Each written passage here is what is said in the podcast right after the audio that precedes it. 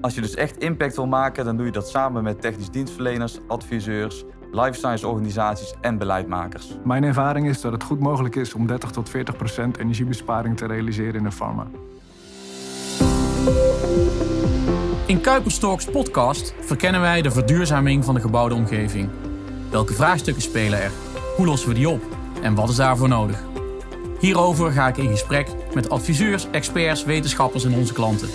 Want samen maken wij impact voor een betere wereld. Mijn naam is Bas Kuipers, directeur strategie en innovatie. Welkom bij een nieuwe aflevering van Kuiperstalks podcast. Vandaag duiken we in de wereld van de farmacie, of in bredere context life sciences. Gepaardgaand met een hoge installatiedichtheid, complexiteit van technieken, hoge kwaliteitseisen en regelgeving. Verduurzaming, is dat überhaupt mogelijk in deze branche? Vandaag ga ik in gesprek met Allen Hart en Harm van de Oever. En zij zullen het tegendeel bewijzen. Allan, welkom. Uh, als uh, projectleider uh, bij ingenieursbureau Sweco kent de pharma en life sciences voor jou natuurlijk geen enkele technische geheimen. Maar voor verduurzaming is meer nodig. Ik begrijp van jou dat de stakeholders, de verschillende afdelingen, cruciaal zijn om die verduurzamingsslag te maken.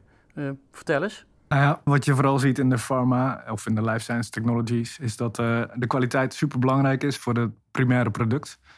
En om iets te, te wijzigen aan het primaire proces, dat, dat, daar zit een afdeling voor om dat te borgen. Die noemt, noemt men de kwaliteitsafdeling, de QA-afdeling. En die zorgt ervoor dat het product gewoon uh, 100% zuiver de markt op komt. En dat blokkeert eigenlijk een beetje de, de, de mogelijkheden om het proces aan te passen. En daarmee ook de verduurzaming. Wat wij hebben uh, meegemaakt is dat we uh, uh, met de, de, stakeholders, waaronder de kwaliteitsafdeling, maar ook de productieomgeving, goed hebben gekeken naar wat is nou mogelijk primair in het proces. En daar de ruimte in hebben opgezocht. En eigenlijk terug zijn gegaan in energieverbruik met een 30, 40 procent in de cleanrooms.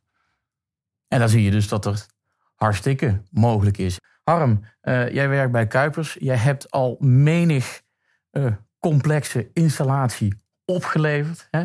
uh, jarenlang er, ervaring erin. En, en wat, ik, wat ik van jou begreep, hè, het niet benutten van het technisch potentieel wat we hebben. Hè.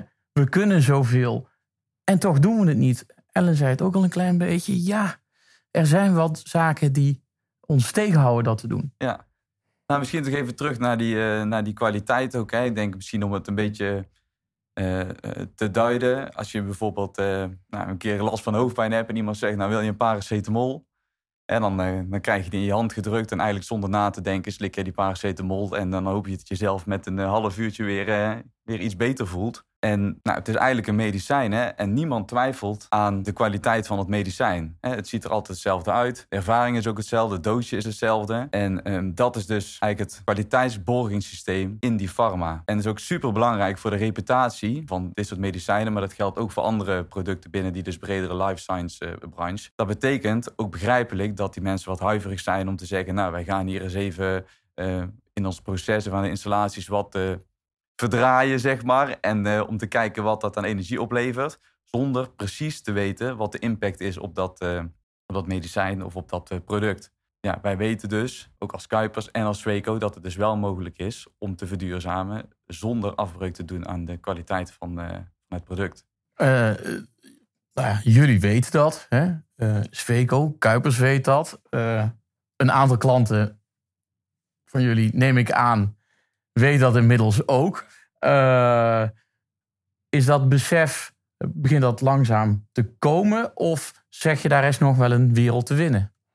Nou, zeker zie je in de wetgeving dat daar ook ruimte, of de, de, regelgeving moet ik zeggen, is daar ook steeds meer ruimte in aan het ontstaan. Echt een aantal jaar geleden zijn er uh, extra paragrafen en hoofdstukken toegevoegd aan de, aan de GMP-regelgeving die het mogelijk maakt om. De GMP is dan eigenlijk de, de, de richtlijn die geldt in de farmacie. Um, die het mogelijk maakt om te verduurzamen. Sterker nog, het is eigenlijk verplicht om te kijken naar de, wat, er mogelijk is op het gebied van energiebesparing. Voor een moderne installatie om die te realiseren. Ja, kijk, dat is, dat hartstikke mooi. Uh, Harm, jij hebt daar ervaring in om dat daadwerkelijk te, uh, te maken. Um, ja, als die regelgeving al een, al een tijdje is en heel robuust is, uh, um, technieken verbeteren, uh, hè, we, we kunnen andere dingen toepassen, uh, zien we daar dan ook misschien wel hele makkelijke stappen? Um, is er wellicht sprake van vergaande overdimensionering ten aanzien van regelgeving en technische mogelijkheden? Kijk, we hebben het over life sciences en eigenlijk is dat dus, die, ja, die organisaties zijn bezig om de levenskwaliteit van mensen en dieren te, te vergroten. En die kunnen eigenlijk zelf ook niet meer verkopen dat ze dus wel een product maken, maar verder niet kijken naar de, ja, de footprint wat bij dat productieproces hoort. Dus ook daar komt steeds meer nou, de, de beleving en het verantwoordelijkheidsgevoel van hey, we moeten verduurzamen.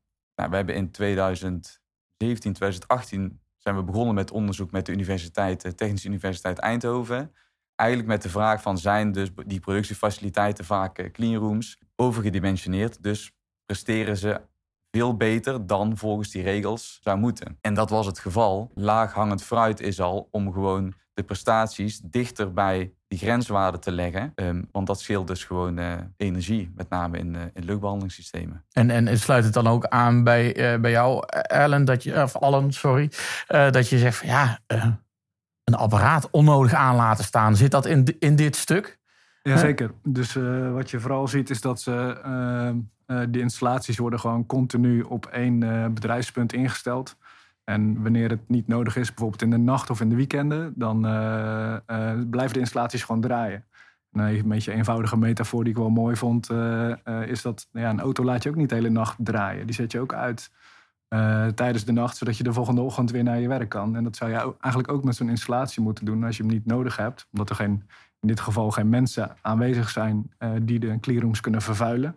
Waarom zou je dan de installatie uh, volle bak aan laten staan? Ja, heeft dat dan ook niet iets te maken, want we hadden het paracetamolletje als een eenvoudig iets, maar heeft dat, heeft dan geen invloed op de kwaliteit van het paracetamolletje? Want dat ik, dat ik dadelijk en eh, mijn, mijn medicijnkastje inga en denk, nou, die hoofdpijn die blijft de rest van de dag nog wel.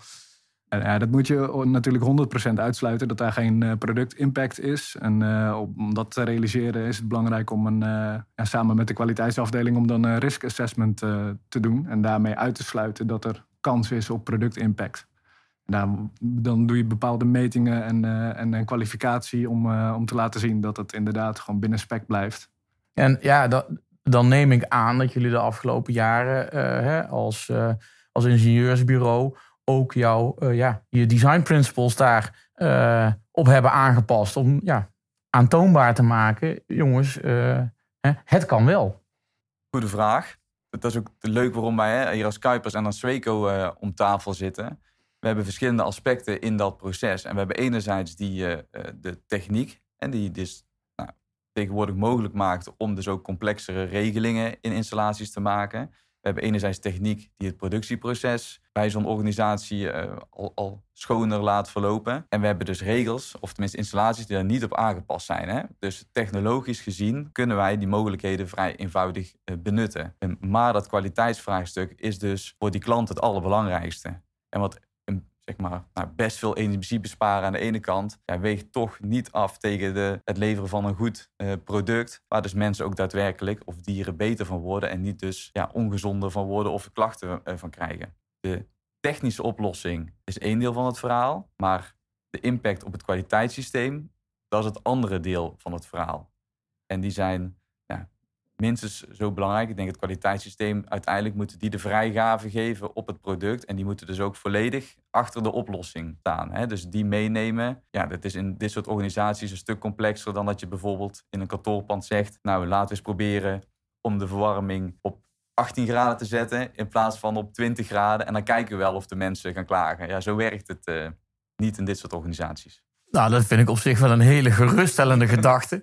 Hè, dat we daar uh, niet te veel mee experimenteren uh, rondom dit uh, vakgebied. Maar dat betekent dat dat best wel veel energie, niet alleen brandstof die erin gaat, maar ook menselijke energie nodig is om daar een verandering in aan te brengen.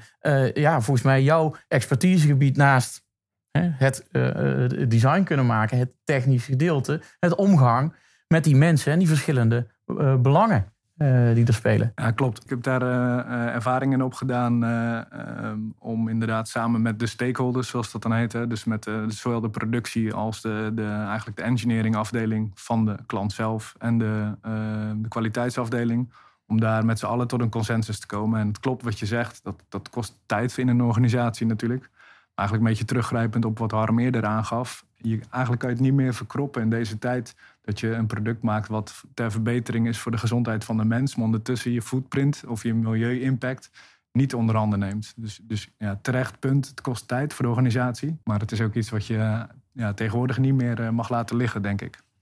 En als je daar naar, naar kijkt, hè, want daar zijn we al even mee bezig. Ik hoorde uh, 2015, 2016, dat is nou, grofweg even een jaar of uh, acht, uh, negen. Hè, eh, dat we zijn gaan kijken nou, kunnen we niet andere designprincipes toepassen? Zien we daar dan nu wel een kentering in komen? Zien we daar een kentering komen misschien alleen in Nederland? Omdat we voor de verandering weer eens een keer het braafste jongetje van de klas willen spelen. Um, eigenlijk een ja, vraag voor wie hem wil beantwoorden.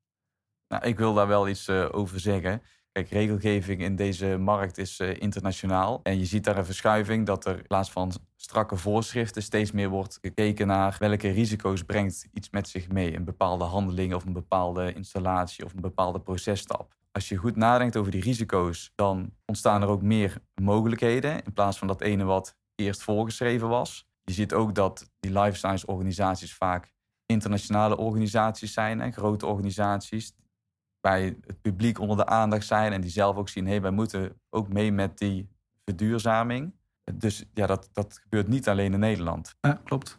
En ja, wat je inderdaad, bijvoorbeeld de ontwikkeling in Europa, de bepaalde regelgeving geldt dan bijvoorbeeld alleen voor Europa, is voor Amerika weer anders. En dan is het weer voor Japan, hebben ze weer een andere regelgeving. Dus het is voor de, voor de, de farmabedrijven zelf ook ja, best wel complex om uh, daar uniformiteit in te bereiken. Het is wel grappig om te zien, want je zou zelf denken, wij als Europa en Nederland lopen een beetje voorop op dat gebied. Er is een, uh, wel, vind ik, een lumineus voorbeeld van, uh, van dat er uh, bepaalde maatregelen om, om specifiek voor WFI-water noemen ze dat, dus water voor, voor injectie. en water voor injectie, dus dat ja, dus wat je gebruikt om een medicijn te verdunnen. Okay, ja. dat gebruiken ze in het buitenland. Is het al heel lang toegelaten om dat met een, een, ja, een reverse osmosis installatie te doen. Een schoon waterinstallatie. Terwijl in, in Europa is het al nog heel lang, is het, het is net pas aangepast, verplicht geweest om het met een destillatie te doen. En destillatie moet je te laten verdampen, kost heel veel gas. En eigenlijk zie je dat pas dat een aantal jaar geleden die regelgeving is aangepast. Terwijl het al jaren al toegelaten was in de US en in Japan. Dus in die zin is er internationaal speelveld is wel een, een interessante om, om in de gaten te houden. Ja, en uiteindelijk hebben we één planeet. Hè? Dus, dus wat dat betreft, en volgens mij, nou ja, mensen zijn verschillend in individu.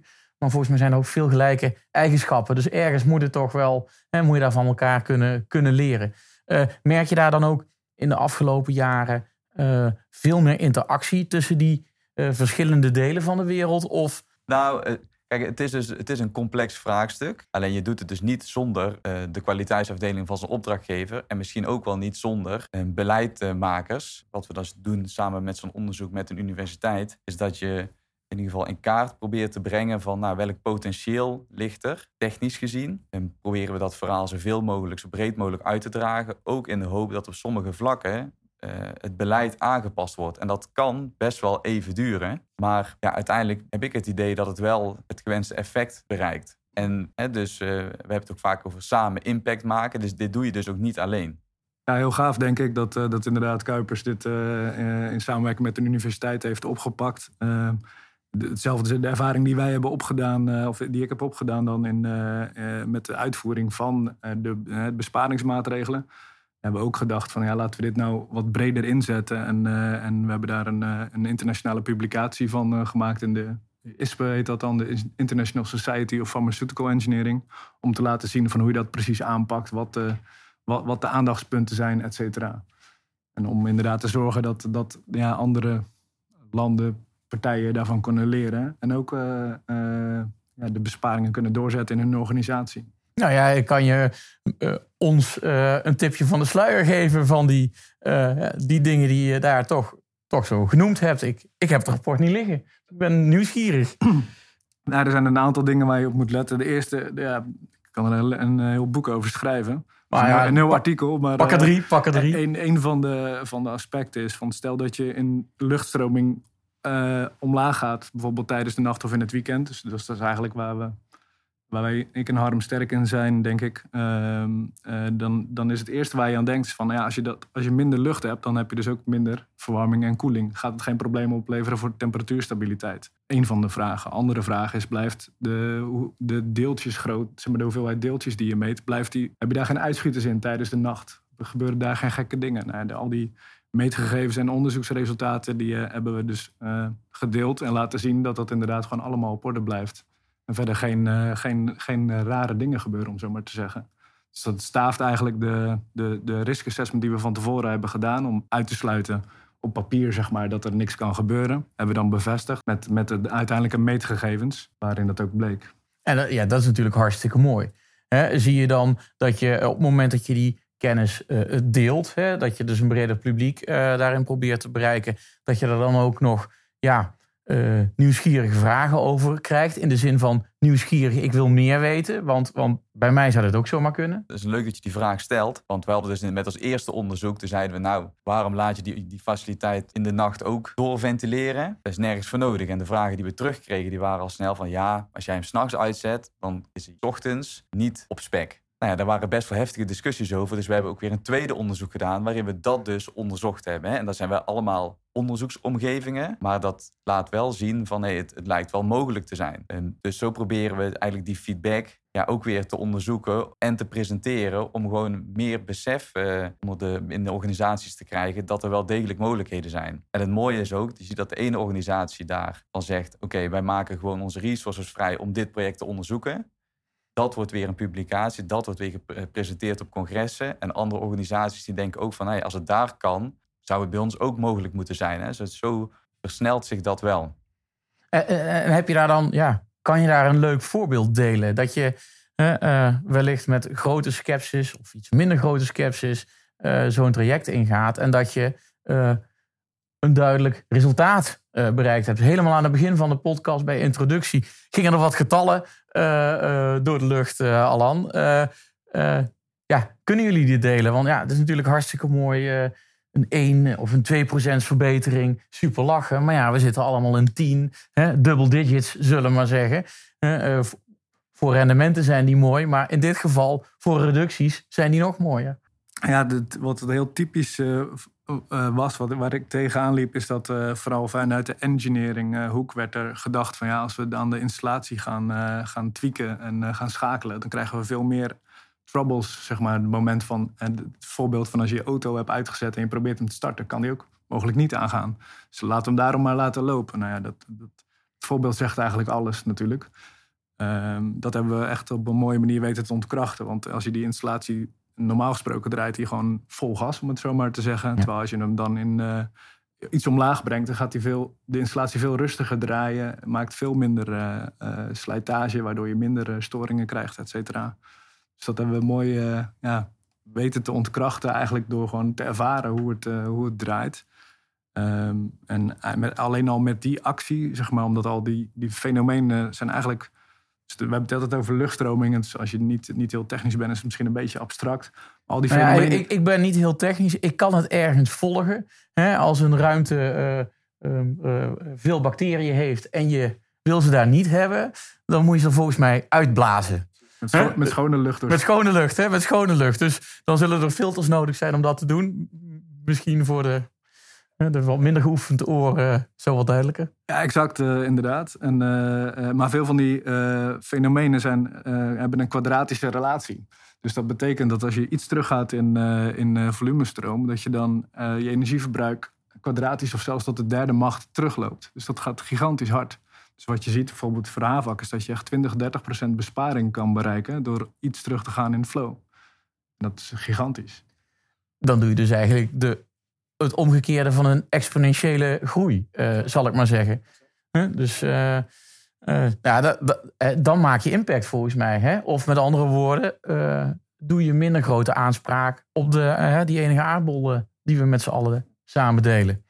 En het mooie daarvan is, is dat je dus ook verschillende gradaties daarin kan toepassen. Hè? Want uh, kijk, wij hebben bijvoorbeeld een onderzoek laten zien van, nou, je kan zelfs zo'n installatie s'nachts uitzetten. Goed, dan heb je hele grote besparingen te pakken. Maar ook al als je dus zegt van, nou, daar voelen wij ons als organisatie minder goed bij, dan pak je gewoon kleine beetjes. Alleen doordat er dus zoveel lucht gerecirculeerd wordt en het gaat grote faciliteiten, is die besparing al vrij snel ja, toch uh, significant. En een mooi onderzoeksvoorbeeld dat we samen hebben gedaan voor een grote uh, farmaceutische organisatie, daar hadden we een gebouw waarin we technisch gezien best wat aanpassingen moesten doen om een oplossing te implementeren. Maar toch was dat binnen ja, jaar of vijf, zes eenvoudig terugverdiend. En het gaat niet alleen over dat terugverdienen, maar en dat was echt een worst case situatie die we toen onderzocht hebben. Dus het is eigenlijk ja, no-brainer om er niet mee aan de, aan de slag te gaan, zeg maar. Ja, dan, dan toch daar eventjes verduidelijking. Hè. Daar komt een no-brainer. Nou, dan begint er bij mij zoiets. Nou, ik weet niet of het helemaal een no... Uh, uh, je, daarin zeg je, ze hadden daar heel veel moeite mee. Een grote, om eigenlijk die aanpassing te doen, ging dat op, op, op basis van de kwaliteitsnormen die ze zichzelf op hadden gelegd. Wat het daarin zo lastig maakte? Of uh, was het de durf, het vertrouwen om het te doen uh, of om het eigenlijk uit te stellen? Wat merk je bij zo'n organisatie en eigenlijk de, ja, de grootste weerstand in het verhaal? Uiteindelijk, want die weerstand heb je overwonnen. Dus ook heel interessant om dat te weten. Ja, onbekend maakt onbemind natuurlijk. Dus dat is, uh, die, en die ervaring die is, die is niet heel breed aanwezig. Dus wat we net aanhalen, het is in een publicatie geschreven, er is onderzoek naar gedaan, maar het is niet een, een common technology, een, een, techniek die wijdverbreid wordt toegepast. Dus, ja, dus in dit geval onbekend maakt onbemind. En, en ja, juist de ervaring die we dan hebben opgedaan bij andere partijen, heeft daar eigenlijk wel een ja, de doorslag gegeven, waardoor ze toch de stap. Het moet nog gezet worden hoor, maar hopelijk durven gaan zetten straks. Ja. maar dan zie je het En ik denk dat dat een hele mooie samenvatting zou kunnen zijn van deze, deze podcast. Hè? Onbekend maakt onbemind, maar met hele kleine stapjes zou je iets kunnen doen. Hè? 2% minder is exponentieel van 2 besparing. Um, en ja, ergens 2% minder hoeft doet geen afbreuk aan kwaliteit en allerlei andere zaken. Dus zelfs met een heel klein stapje, ondanks dat het heel moeilijk en heel complex is en wellicht over grote zaken gaat, kan je het ja, toch een, een, besparing of eigenlijk een verspilling hè, zien, te voorkomen. Uh, ja, heren Allan, Harm, dank voor deze inkijk. Dank ook voor ja, jullie betoog dat ondanks dat het heel complex is qua installaties, regelgeving, kwaliteitseisen, dat toch de mensen die in de life sciences werken onze aarde beter door willen geven aan een volgende generatie. En dat het dus kan. Dank jullie hartelijk. wellicht tot een volgende keer. Tot ziens.